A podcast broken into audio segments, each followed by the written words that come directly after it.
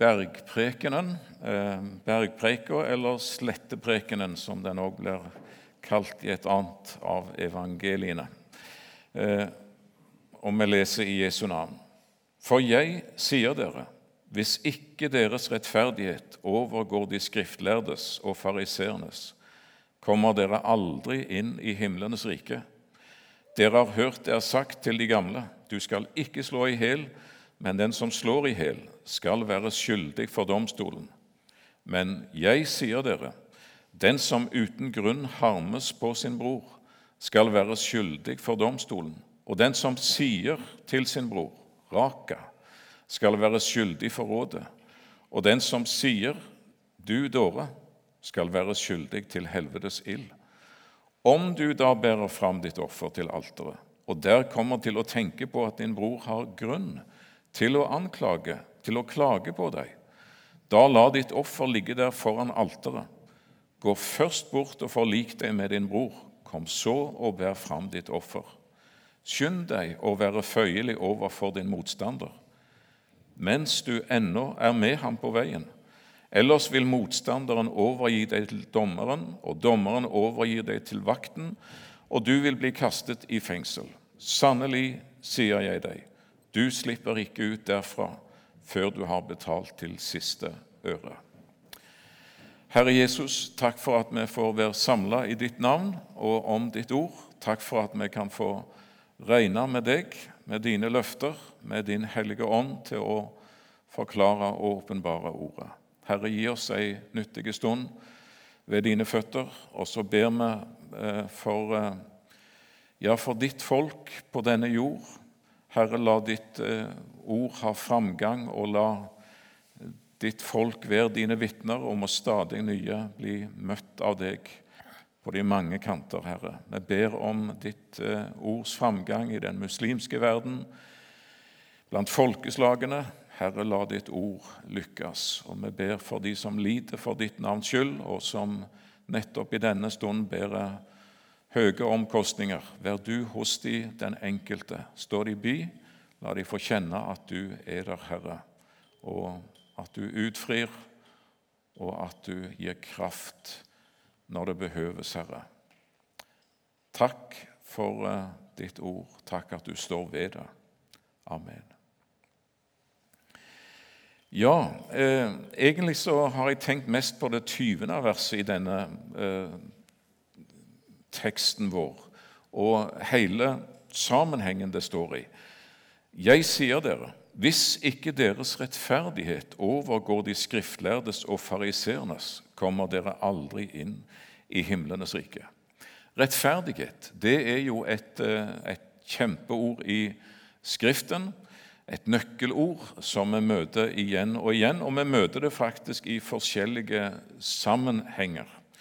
Og eh, Ordet 'rettferdiggjort' det kjenner vi vel og burde vi kjenne til, og den betydning som ligger i det. Dette ordet som særlig eh, Paulus eh, håper jeg, rappa fra rettssalen, for det var jo egentlig et ord som hørte rettssalen og det juridiske språk til. Og han eh, rappa det og tok det med seg inn i Guds hus og la det på talerstolen og ga det et, et Ja, det beholdt på en måte sitt sitt innhold og sin mening, men likevel i en helt annen sammenheng, der det sprenger alle rammer. For eh, ordet betyr jo, etter det jeg har lest, en rettferdig dom. Og spesielt eh, i Skriften så brukes det jo i positiv sammenheng.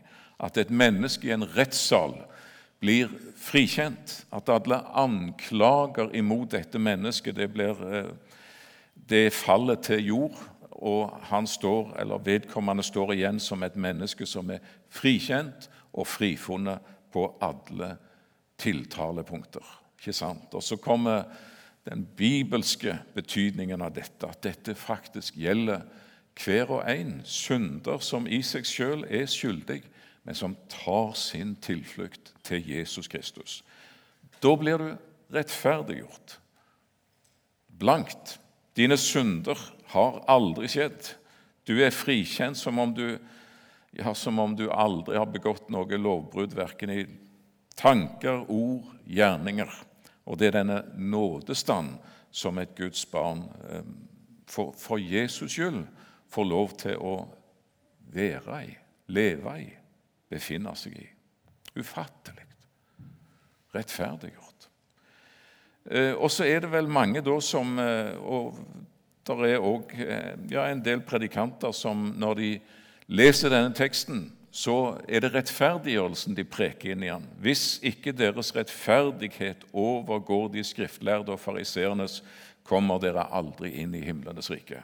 Altså at eh, en preker på en sånn en måte at den rettferdighet som du eier i Jesus, du som hører Jesus til, den overgår all menneskelig rettferdighet. Selv det mest praktfulle dydsmønster av skriftlærde og farisere. det er ingen som har en sånn en rettferdighet som et Guds barn, som er rettferdiggjort av nåde. Og det er jo helt sant. Det er jo helt klart. For den rettferdighet som et Guds barn eier, som du står i overfor Gud, den er ikke av mennesker, men det er rettferdigheten av Gud, som Paulus forkynner i Filipperbrevet 3, der han kaster ifra seg all sin egen rettferdighet og sier det stinker av det. Det er møkk. Det er søppel. Få det på, på søppelplassen. Det kan ikke foredles eller forbedres. Og så blir jeg rettferdiggjort ved tro på Jesus blir ikledd rettferdigheten av Gud ved troen på Jesus Kristus. Og det, det kunne vi godt eh, preike om, at den rettferdigheten den overgår all menneskelig rettferdighet. Den er fullkommen. Det er Kristi egen rettferdighet. Og den eier du ved troen på Jesus, du som hører Han til. Ikke dine bedre stunder bare, men til og med i fallet og vedvarende ifølge Skriften. Det er en stor og vidunderlig tanke. Men den rettferdigheten nekter å la seg presse eller lese inn i dette verset. For her handler det ikke om rettferdiggjørelsen, selv om rettferdighet brukes, men det handler om det som vi i bibelsk eh, språkbruk kaller helliggjørelse. Livets rettferdighet. Hvordan vet vi det? Jo, for det leser vi ut av hele sammenhengen den det står i.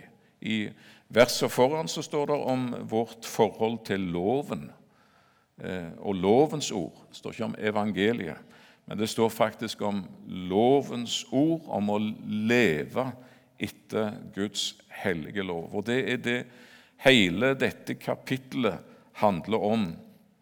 Det kristne livet. Det kristne hverdagslivet.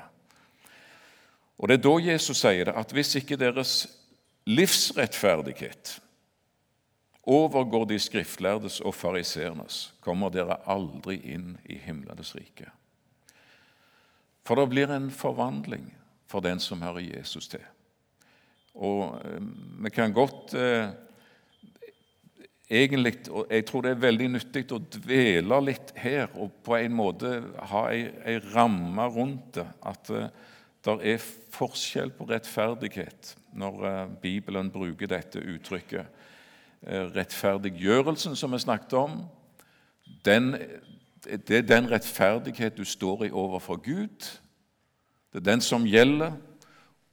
Og takk og lov for det, at når Gud ser, eh, ser sine, så er det ikke helliggjørelsen han ser på, men det er rettferdiggjørelsen når det gjelder vårt eh, frelsesak.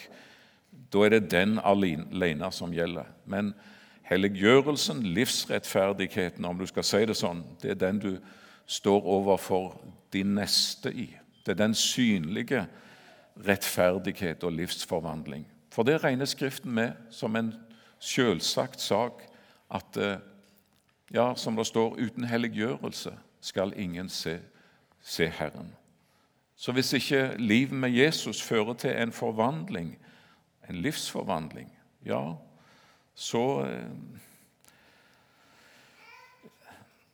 så bruker Skriften ganske så sterke ord om det. For det regner det som en, en selvsagt sak at rettferdiggjørelse virker helliggjørelse. Rettferdiggjørelse virker livsforvandling. Og det er det Jesus taler om i denne sammenheng. Men det kan være veldig greit. Jeg har av og til sitert, sitert uh, en uh, Det er vel Edin Løvaas som forteller om det i en av sine bøker. Om uh, pastor Marino Torjussen, som hadde sin tjeneste i Ålesund noen år. Og som der opplevde at det var en, en full mann som rava inn på et møte. Og ikke bare det at han rava inn på møtet, men når møtet gikk imot slutten, så sjangla han fram og bøyde kne der og sa at jeg, jeg, må bli en kristen. Og Marino han var en fornuftig mann, så han sa ikke 'kom igjen i morgen når du er blitt edru'. Men han ba for ham der og da og leda denne mannen til Jesus. Og så, når hadde tok imot Jesus og spanderte pastor Torjussen en liten bibeltime for ham. Han var en grundig forkynner, skriver Edin Løvaas, og, og presiserte at nå er du ved tro blitt rettferdiggjort. Du er blitt ikledd en fullkommen rettferdighet som du står i overfor Gud. Men nå, nå begynner et nytt liv. Nå skal du bli helliggjort, mer lik Jesus, mer prega av ham. En liten bibeltime der eh, på rappen. Og Så går denne mannen ut, og så er pastor Torjussen ute på gata, enten det er dagen etterpå eller dagen etterpå, dagen etterpå, og er på torget i Ålesund. Og så ser han den frelsesøkende fra dagen eller et par dager før på andre sida der av torget. Og det er ingen tvil om hans tilstand, for han eh, han raver, sjangler, går ustøtt. Og Marino tenker at jeg skal ikke gjøre dette vanskelig eller flaut. Jeg eh, skygger unna. Nei, jeg må snakke med han. Og Så setter han kursen imot denne mannen. Og Når eh, denne mannen da får øye på pastor Torjussen, så lyser han opp i et stort smil, og så roper han over hele plassen.: Vær ikke engstelig, pastor. Det er helt i orden med rettferdiggjørelsen. Det mangler bare noe på helliggjørelsen ennå. Han hadde forstått det. Han hadde forstått det. Det, det mangler ingenting på rettferdiggjørelsen hos et Guds barn. Det er en fullkommen rettferdighet, og det er mye å takke for. Men dessverre så, så mangler det ganske mye på helliggjørelsen ennå. Det ser jeg når jeg har med Guds ord å gjøre og jeg ser det kanskje ikke minst i dette kapittelet. Eh, vi har lett for å blande sammen. Lett for å blande blande sammen rettferdiggjørelse og helliggjørelse. Men eh, tenk og takk over det at når det gjelder din rettferdighet fra Gud, da er det Jesus og Jesus alene som gjelder. Og det fører til livsforvandling. Et nytt liv, en ny fødsel. Og Hele dette kapittelet det, det handler om, om det troende, den troendes liv. Fra vers 1 til og med vers 12 så er det saligprisningene. Du kan lese de og studere eh, de. Og fra vers 13 til og med vers 16 så handler det om at dere er jordens salt, og dere er verdens lys. Det handler om livet. Fra vers 17 og til og med vers 20 så handler det om vårt forhold til loven. Og Jesus understreker han er ikke kommet for å oppheve loven eller profetene, men han er kommet for å oppfylle. Og ingenting forgår før det er skjedd alt i sammen. Og så formaner han sine til å holde lovens ord og til å lære den videre. Ja, sånn er det faktisk. Du er ikke blitt en lovløs, du som hører Jesus til. Du er, du er løst fra loven. Du er kjøpt fri fra lovens forbannelse, som det står i Galaterbrevet 3 og vers 13. Eh, det er du. Og det er jo befriende. altså Kjøpt fri fra lovens forbannelse. Det betyr at eh, si, straffeloven gjelder ikke lenger for den som er i Kristus Jesus. Det er ikke noe sverd som henger over. For du er i Kristus, Og der er du løst og kjøpt fri fra lovens forbannelse. Men lovens innhold, den er en kristen forplikta på å leve etter. De ti bud. Men ikke, ikke lenger straffeloven som henger over som en trussel. Jesus eh, har satt deg fri. Men loven, hvor ble det av den? Den flytta inn i ditt hjerte, sier Guds ord, og ble din natur. Allerede i Det gamle testamentet så profeteres det jo om dette. Esekiel 36, Jeremia snakker om det. Esekiel 36.: Jeg vil gi dere et nytt hjerte. Ikke bare det, en ny ånd vil jeg gi i dere. Jeg vil ta bort steinhjertet av deres kjød og gi dere et kjødhjerte.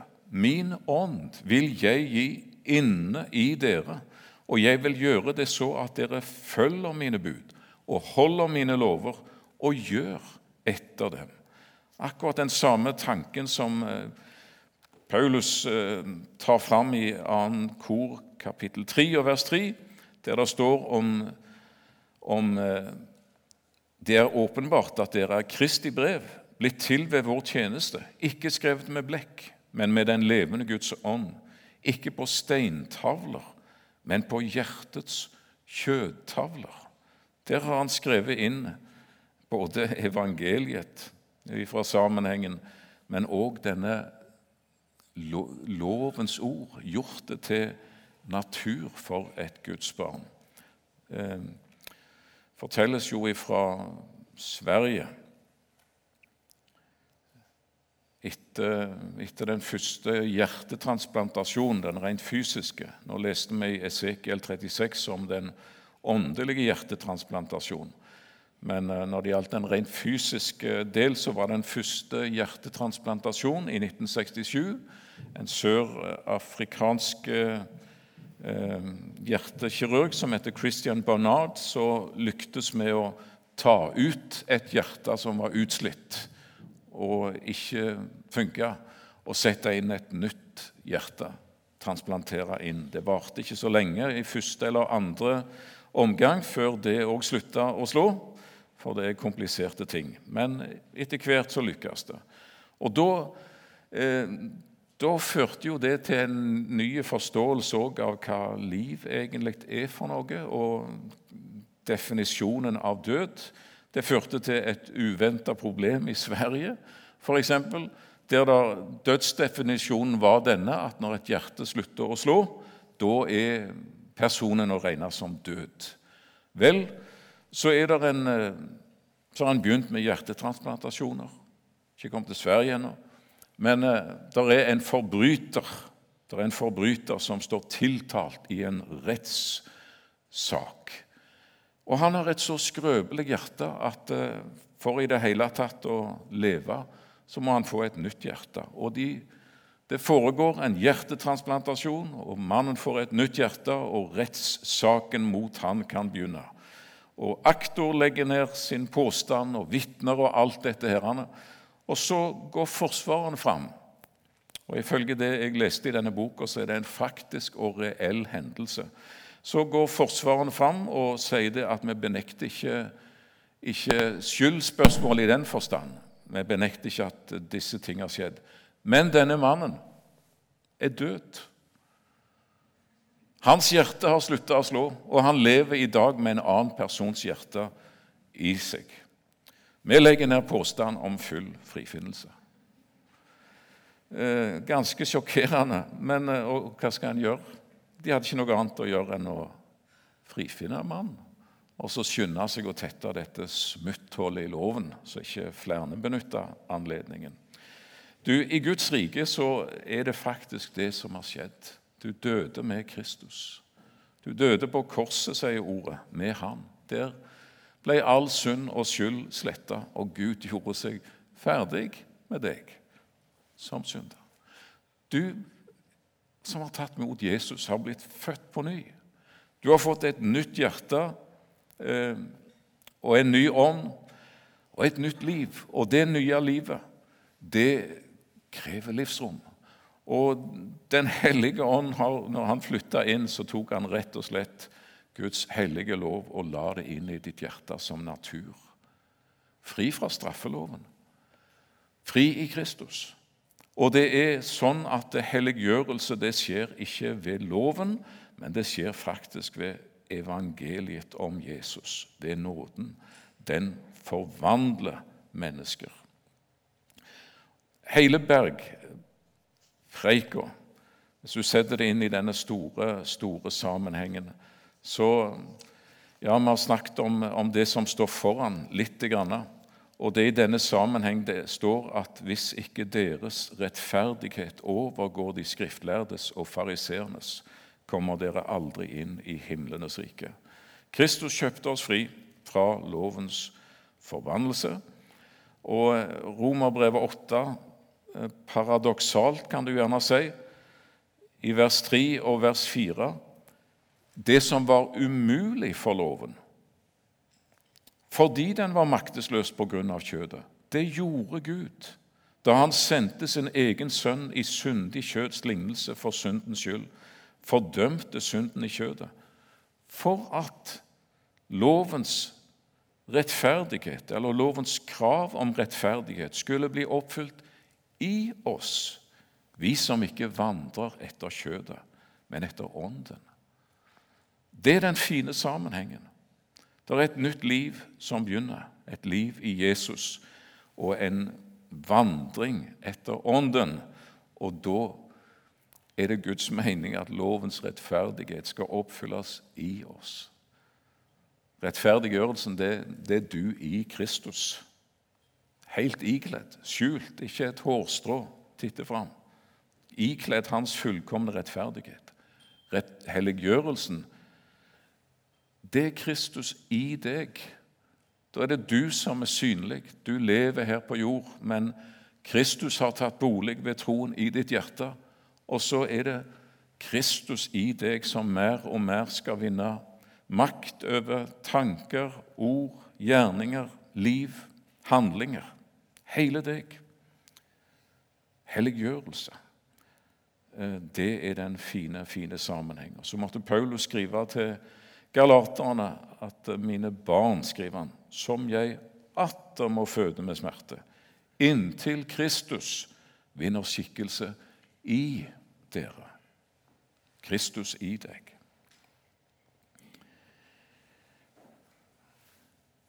Litt mer om sammenhengen. For eh, det preger hele livet, og det preger forholdet til de neste. Ehm, den sammenhengen eh, teksten vår står i, der står det om eh, vrede. Jesus innskjerper det femte budet du skal ikke slå i hjel.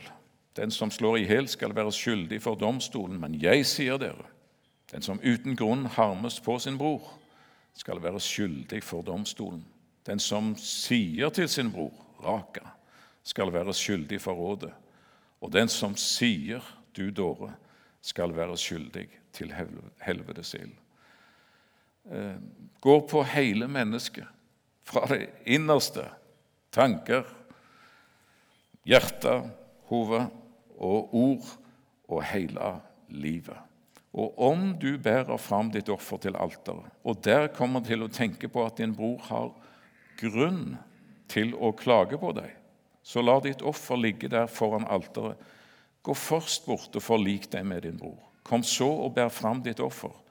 Skynd deg å være føyelig overfor din motstander mens du ennå er med ham på veien. Det er ikke så mye som er tristere egentlig om å høre om eh, ja, et menneske som står ved ei grav fordi at eh,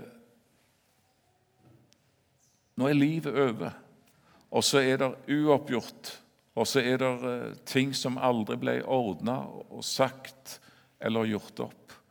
Og nå er det for seint. Døden har inntrådt, og så står det et menneske ved grava. Og Ikke sant?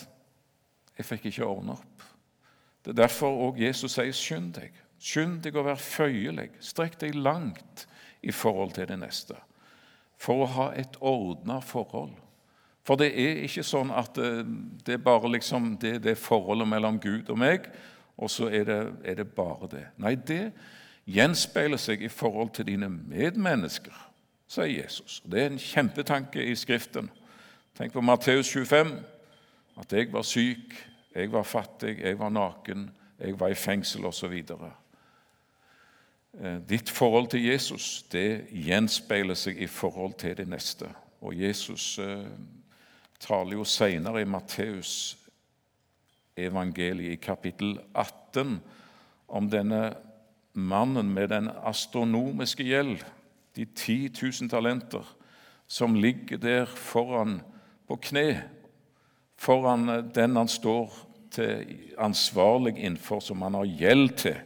Og så blir han ettergitt hele gjelda.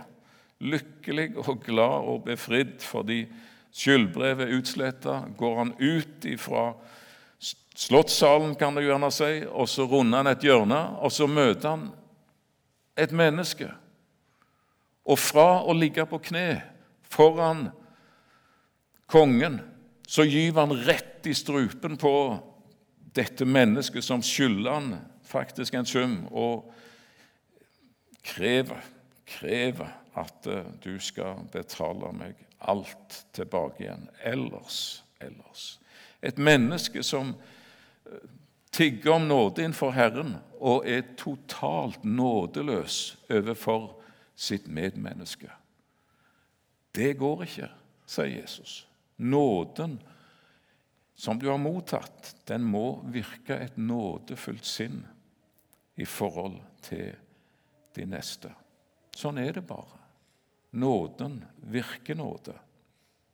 Og det forholdet du har til din himmelske Far, det skal også kunne gjenleses i ditt forhold til mennesker. Og er det noe uoppgjort, skynd deg, skynd deg å være føyelig.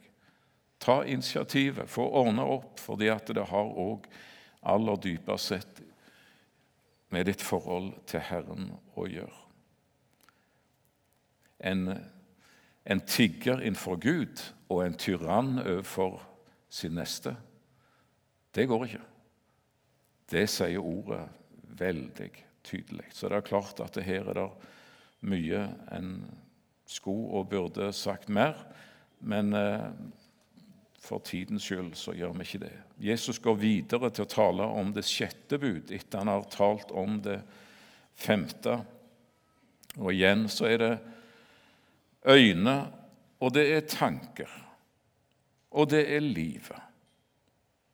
Det handler om et nytt liv eh, som en kristen skal leve. Og det er veldig praktisk, egentlig, når Paulus til Timotius, 1. Timotius 5, underviser om hvordan han skal forholde seg til mennesker.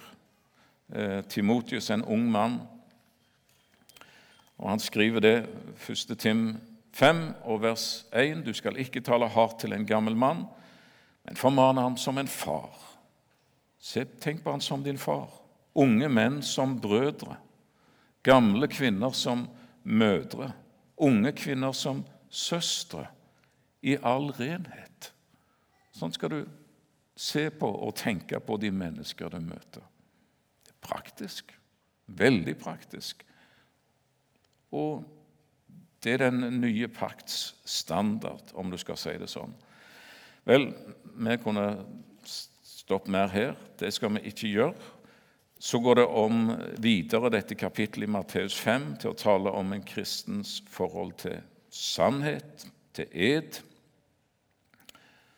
Og Så går det videre til å tale om gjengjeldelse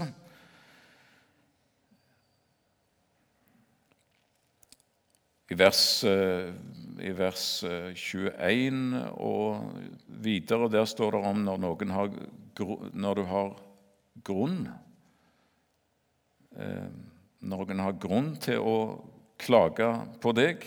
Det er du som er den skyldige part. Men i vers 38 og videre, der står det om, om de som du kunne ha grunn til å eh, klage på. De som slår deg på ditt høyre kinn, og som fører sak mot deg for å ta din kappe, og som tvinger deg, og som ber deg, og så videre og sånt. De som, som egentlig ikke gjør opp sin sak med deg, hva med de? Det er en veldig høy standard. Jeg må si det når Jesus sier dette. Sett dere ikke imot den som gjør det onde mot dere. Om noen slår deg på høyre kinn, så vend også det andre til. Og om noen tar fra deg kappen, så spring etter han. Og når du tar han igjen, armpusten, så sier du, 'Vent, her er ytterjakken min òg. Du glemte den.' Det er ikke noen menneskelig standard. Det er himmelhøy standard. Langt over mitt liv. Langt over mitt liv. Det er Jesus som taler dette her nå. Det er Jesus som sier disse ord. Det handler om livet og sinnelag. Og det handler i avslutningen av kapittelet fra vers 43 og til og med vers 48 om kjærlighet til fiender. Elsk deres fiender. Velsign dem som forbanner dere. Gjør vel imot dem som hater dere. Be for dem som forfølger dere. Hvorfor? Jo, fordi at sånn er deres himmelske Far. Velkommen til Hans rike. Dette er hans standard. Det er det nye livets eh, ytring, dette her. Det er den natur som han har skrevet inn i vårt hjerte, og som han venter å se virke, levd ut. Det er jo det som er med Guds ord. Det skal ikke bare leses, men leves. Eh, Vær da fullkomne, like som deres himmelske Far er fullkommen. Ja, avslutningen av dette. Eh, takk og lov for den himmelske rettferdighet, for rettferdiggjørelsen. Takk og lov for at jeg får tro det at eh, mellom meg og min Gud, der gjelder Jesus alene, og ikke min helliggjørelsesrettferdighet engang. Men så skal ikke det gjøre oss motløse når vi leser om disse store, sterke ord av Jesus, men være en inspirasjon. Ja, om det i alle fall kunne omsettes i ditt liv i mildhet, i vennlighet, i godhet mot de mennesker du møter Eh, og til og med i elskverdighet mot den som ikke oppfører seg elskverdig. Og Så får vi huske på denne mannen der på, i Ålesund som hadde fått med den store sammenhengen, og som eh, ropte det til pastor Marino Torjussen Vær ikke engstelig, pastor. Det er alt i orden med rettferdiggjørelsen. Det mangler bare en del på helliggjørelsen ennå. Men Gud gir oss nåde til å leve Hans ord i hverdagen. At det kunne merkes at vi har med Jesus å gjøre. Herre, det ber vi om. Så får du tale til den enkelte av oss om vårt liv, om vårt forhold til mennesker, om vårt forhold til deg, Herre. Og så takker vi deg for din gode Hellige Ånd, som både kan forklare åpenbare og omsette ditt ord til forvandling i vårt liv. Din gode vilje skje. Amen.